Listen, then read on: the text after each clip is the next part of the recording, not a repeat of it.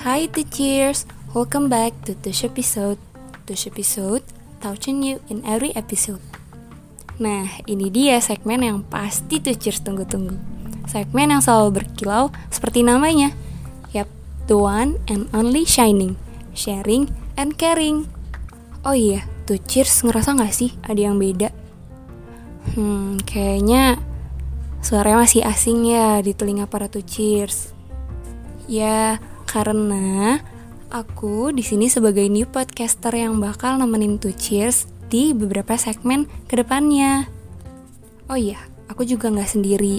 Di sini aku Alisa bakal ditemenin sama rekan aku. Hai tuh cheers, perkenalkan aku Putra dari podcast tim. Yeay, akhirnya kita udah buat ya Sya di tujuh episode dan kita akan sering-sering juga nih temenin para tuh cheers. Yap, bener banget. Pastinya kita bakal jadi teman setia tuh cheers dalam segmen Shining ini. Oh iya, gimana nih Put kabarnya? Aman gak? Kemarin aku ajakin record nggak bisa. Kenapa tuh? Hmm, sorry ya Sya, kemarin tuh aku gak bisa ikutan karena emang ada beberapa masalah sama teman-teman aku yang bikin aku tuh bete gitu. Hmm, bete kenapa?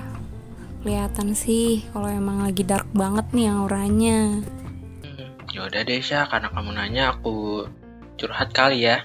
Jadi aku tuh lagi di pertemanan aku tuh lagi gak sehat gitu. Karena pas aku ngobrol sama mereka, misalnya lagi bahas satu topik nih, dan aku kalau nggak sependapat sama mereka tuh aku kayak disudutkan gitu, dan aku ngerasa kayak kira-kira ini pas aku lagi ada lagi butuh mereka, mereka tuh kayak susah banget dihubungin gitu, jadi kayak aku ngerasa kayak aku aja kalian dimanfaatin ya pas mereka minta tolong aku tuh selalu ada gitu makanya aku bingung ini apa aku di kondisi toxic friendship lagi ya Wah, kok gitu sih?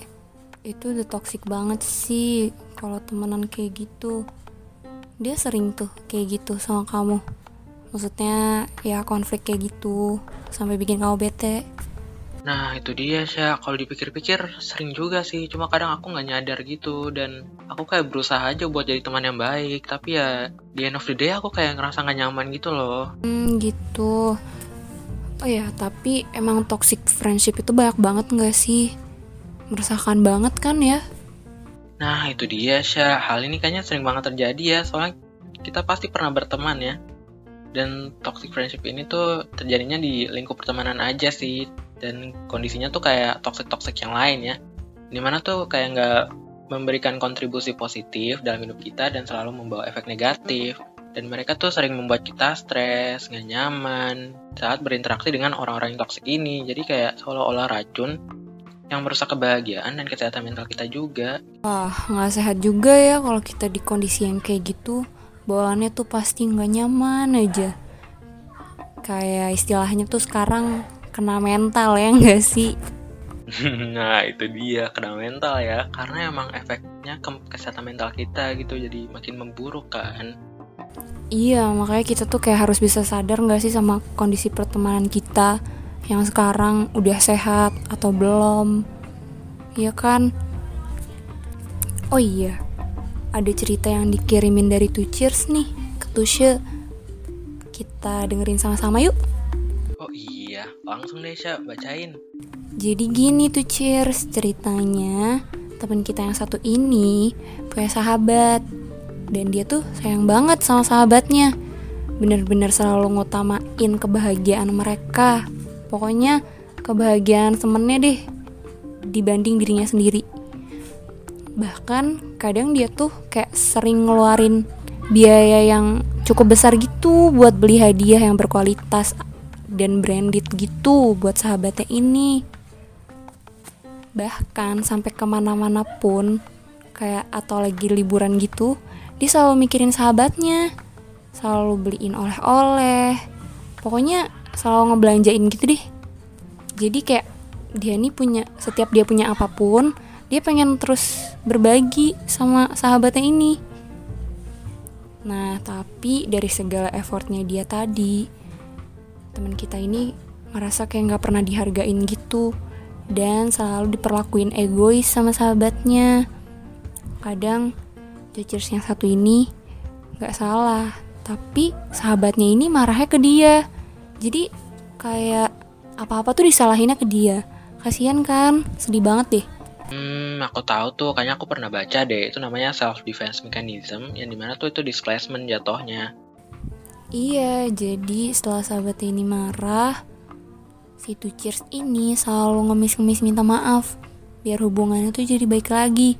Tapi kayak tetap nggak dimaafin gitu, kayak nggak dihargain banget. Di situ dia kayak sedih banget. Padahal marahnya tuh karena ada salah satu temennya dari luar kota gitu ke tempatnya si Cheers ini tapi dia nggak bisa ikutan jalan-jalan karena utama inskripsinya jadi dia kayak dimusuhin gitu gara-gara cuman mentingin skripsi. Padahal kan ya namanya semester akhir skripsi pasti lebih penting dong daripada jalan-jalan ya nggak sih? Nah emang waktunya juga nggak tepat. Terus nggak nyampe situ aja put. Temen kita ini sering disangka nggak peduli sama sahabatnya karena ada satu situasi di mana sahabatnya ini kena musibah kecelakaan. Dan dia kayak nggak sempet gitu ngejenguk tapi padahal dia tuh udah ngechat secara personal ke sahabatnya yang kena musibah ini. Tapi dikiranya dia nggak peduli cuman gara-gara nggak ngejenguk. Padahal ya pasti teman kita ini punya hal-hal atau urusan lain di luar itu kan? Oh, kalau kayak gitu berarti cuma salah paham dong. Iya put. Terus puncaknya tuh pas si Cheers ini mau nikah. Sebagai sahabat yang baik Dia kan berusaha ngundang sahabatnya dong Jauh-jauh hari sebelum acara pernikahannya.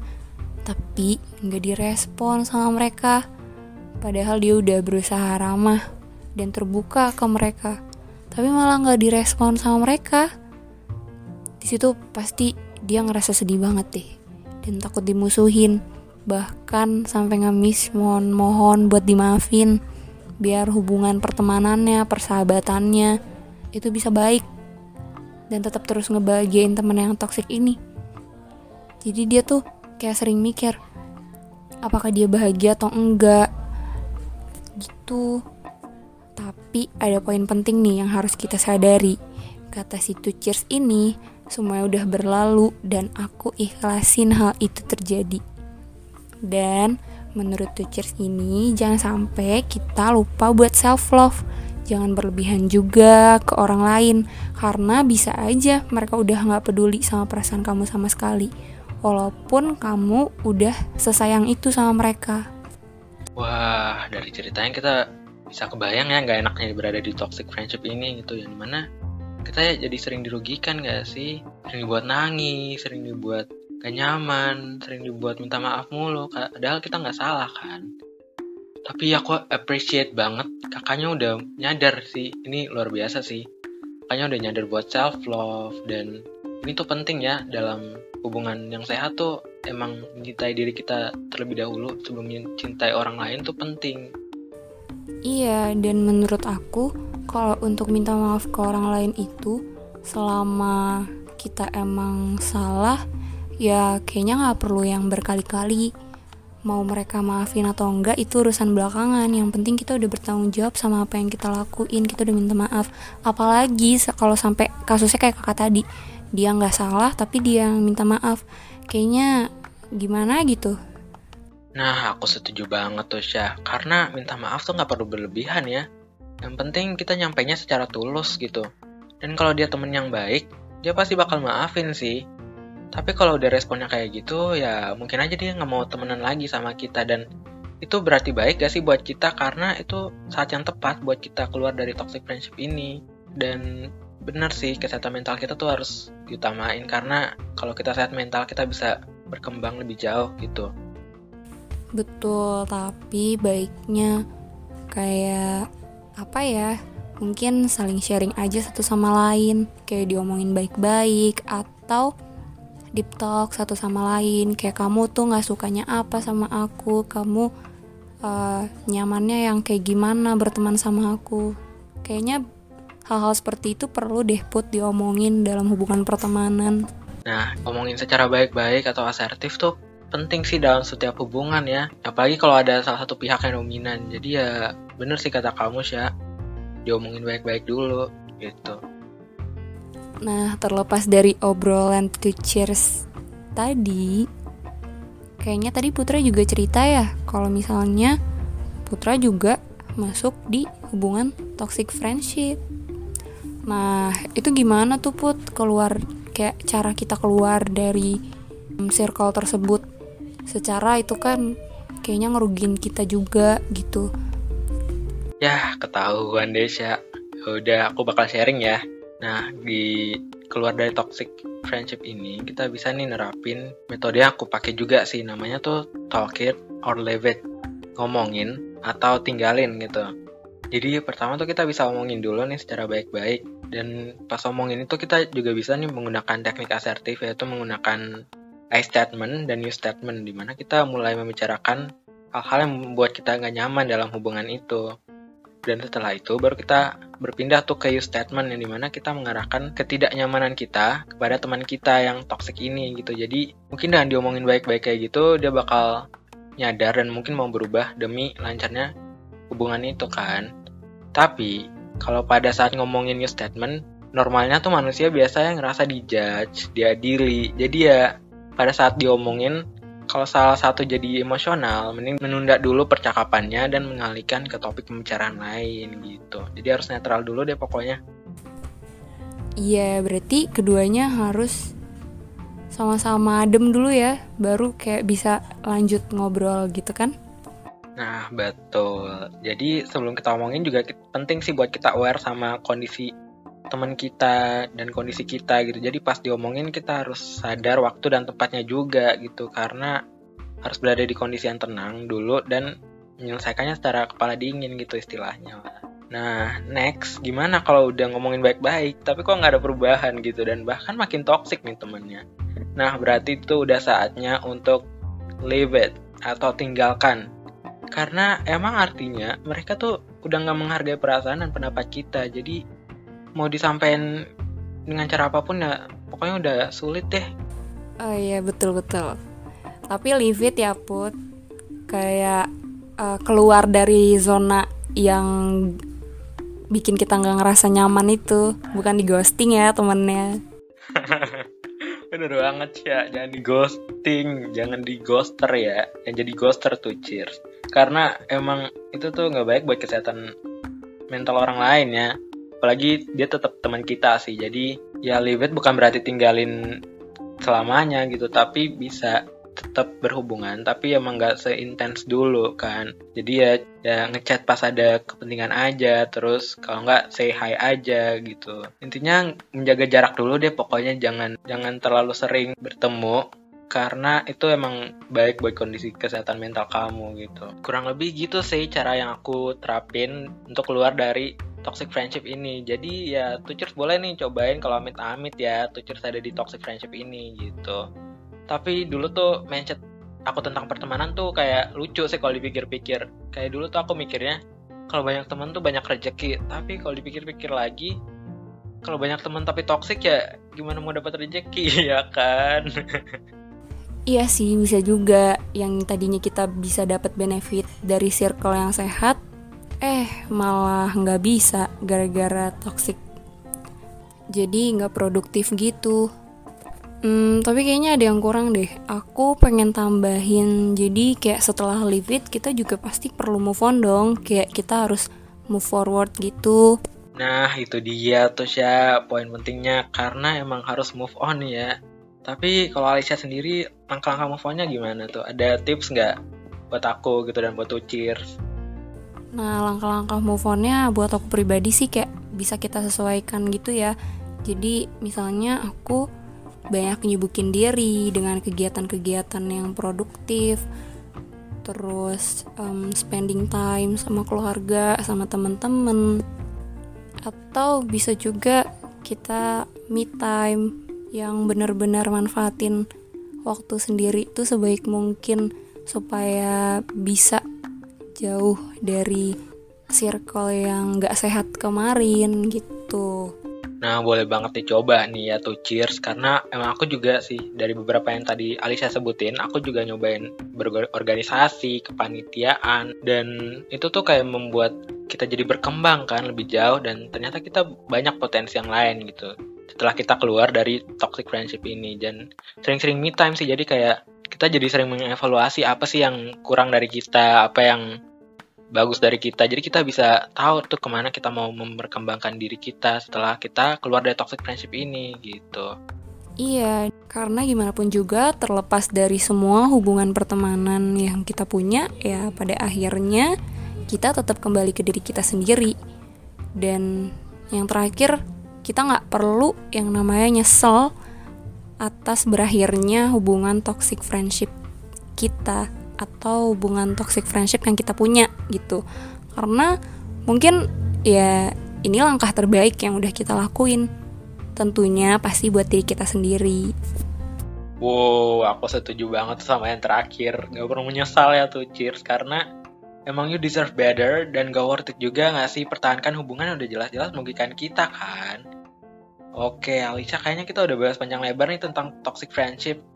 Tapi ngomonginnya aja gampang ya, tapi kadang kita sulit untuk ngelakuinnya dan beberapa orang mungkin sulit nih keluar dari toxic friendship ini kira-kira dari kamu gimana sih caranya gitu biar membantu kita lebih mudah keluar dari toxic friendship ini Betul, betul banget. Apalagi kita tinggal di Indonesia yang mana bener-bener melekat banget budaya nggak enakan. Jadi kayak kita mau ngomong apa, mau nyampein hal-hal seperti itu tuh rasanya sulit banget. Nah, tapi kalau emang tuh cheers ngerasa sulit untuk menyudahi atau keluar dari toxic friendship, atau mungkin ada perasaan-perasaan yang mengganjal dalam hubungan pertemanan kalian dan kalian nggak bisa ngungkapin itu secara langsung, Two Cheers bisa banget nih mulai ceritain permasalahannya ke pihak profesional seperti konselor ataupun psikolog untuk membantu menyelesaikan masalah Two Cheers. Nah, bener banget tuh Syah. Jadi kita harus segera ke psikolog ya kalau emang kita udah merasa nggak mampu untuk menyelesaikan permasalahannya sendiri. Karena kita harus sadar kita manusia dan kita butuh bantuan orang lain gitu. Dan psikolog tuh udah langkah paling tepat untuk menyelesaikan permasalahan-permasalahan terkait kesehatan mental kita. Dan juga di tucer.id kita ada sesi konseling pastinya ya. Ini tangani langsung oleh psikolog yang handal di bidangnya gitu. Dan salah satunya ya di bidang relationship ini. Nah, dan kebetulan di tucer.id lagi ngadain sesi free counseling nih. Jadi tucer semua bisa menyelesaikan permasalahannya langsung aja ya. Kepoin di Instagram at tucer.id dan manfaatin kesempatan free counselingnya gitu. Karena kapan lagi ya kan konseling gratis gitu. Betul betul banget. Keren banget kan Tusha ngadain konseling gratis. Nah jadi tuh cheers jangan sampai ketinggalan. Jangan sampai hilang kesempatan ya oh iya kayaknya kita udah bahas banyak banget nih put mulai dari menyadari kondisi toxic friendship itu yang seperti apa bacain cerita dari two cheers bahas cara-cara terhindar dari toxic friendship juga. Bahkan sampai cara move on-nya juga kita bahas. Nah, semoga di Shining kali ini tuh Cheers bisa mendapat pembelajaran baru. Dan kalau tuh Cheers misal dipertemukan dengan kondisi toxic friendship ini, kalian paling tidak sudah punya bekal untuk mengatasinya. Amin, amin, amin. Semoga Tujuh mendapatkan banyak insight ya dalam pembahasan kita hari ini. Tapi sayang sekali kita harus pamit dulu nih cheers. Wah, iya nih. Dari tadi kita udah lama banget ya ngebahas toxic friendship ini. Oke deh, uh, terima kasih to Cheers yang sudah menceritakan permasalahannya dan mempercayakan ceritanya kepada podcast tim Tusha. Thank you so much. Oh iya, bagi to Cheers yang ingin berbagi cerita, boleh banget silahkan kirimkan ceritanya di link yang ada di bio Instagramnya tusha.id. Dan klik di opsi register podcast Tusha episode. Di sana, teman-teman bisa langsung berbagi cerita dan pengalamannya. Siapa tahu cerita-cerita yang terpilih akan kami bawakan dalam Tush episode selanjutnya. Dan berkesempatan juga nih kita undang secara langsung untuk berbagi dalam podcast kayak gini. Nah, ditunggu ya ceritanya to cheers because every story is matter, right? Jadi jangan ragu untuk cerita ya. Ditunggu ceritanya dan jangan lupa nantikan Shining episode berikutnya setiap hari Sabtu eksklusif di Spotify. So, aku Alisa dan aku Putra. Kami dari podcast team pamit undur diri ya. See you on the next Tush episode. Tush episode, touching you in every episode. Bye bye.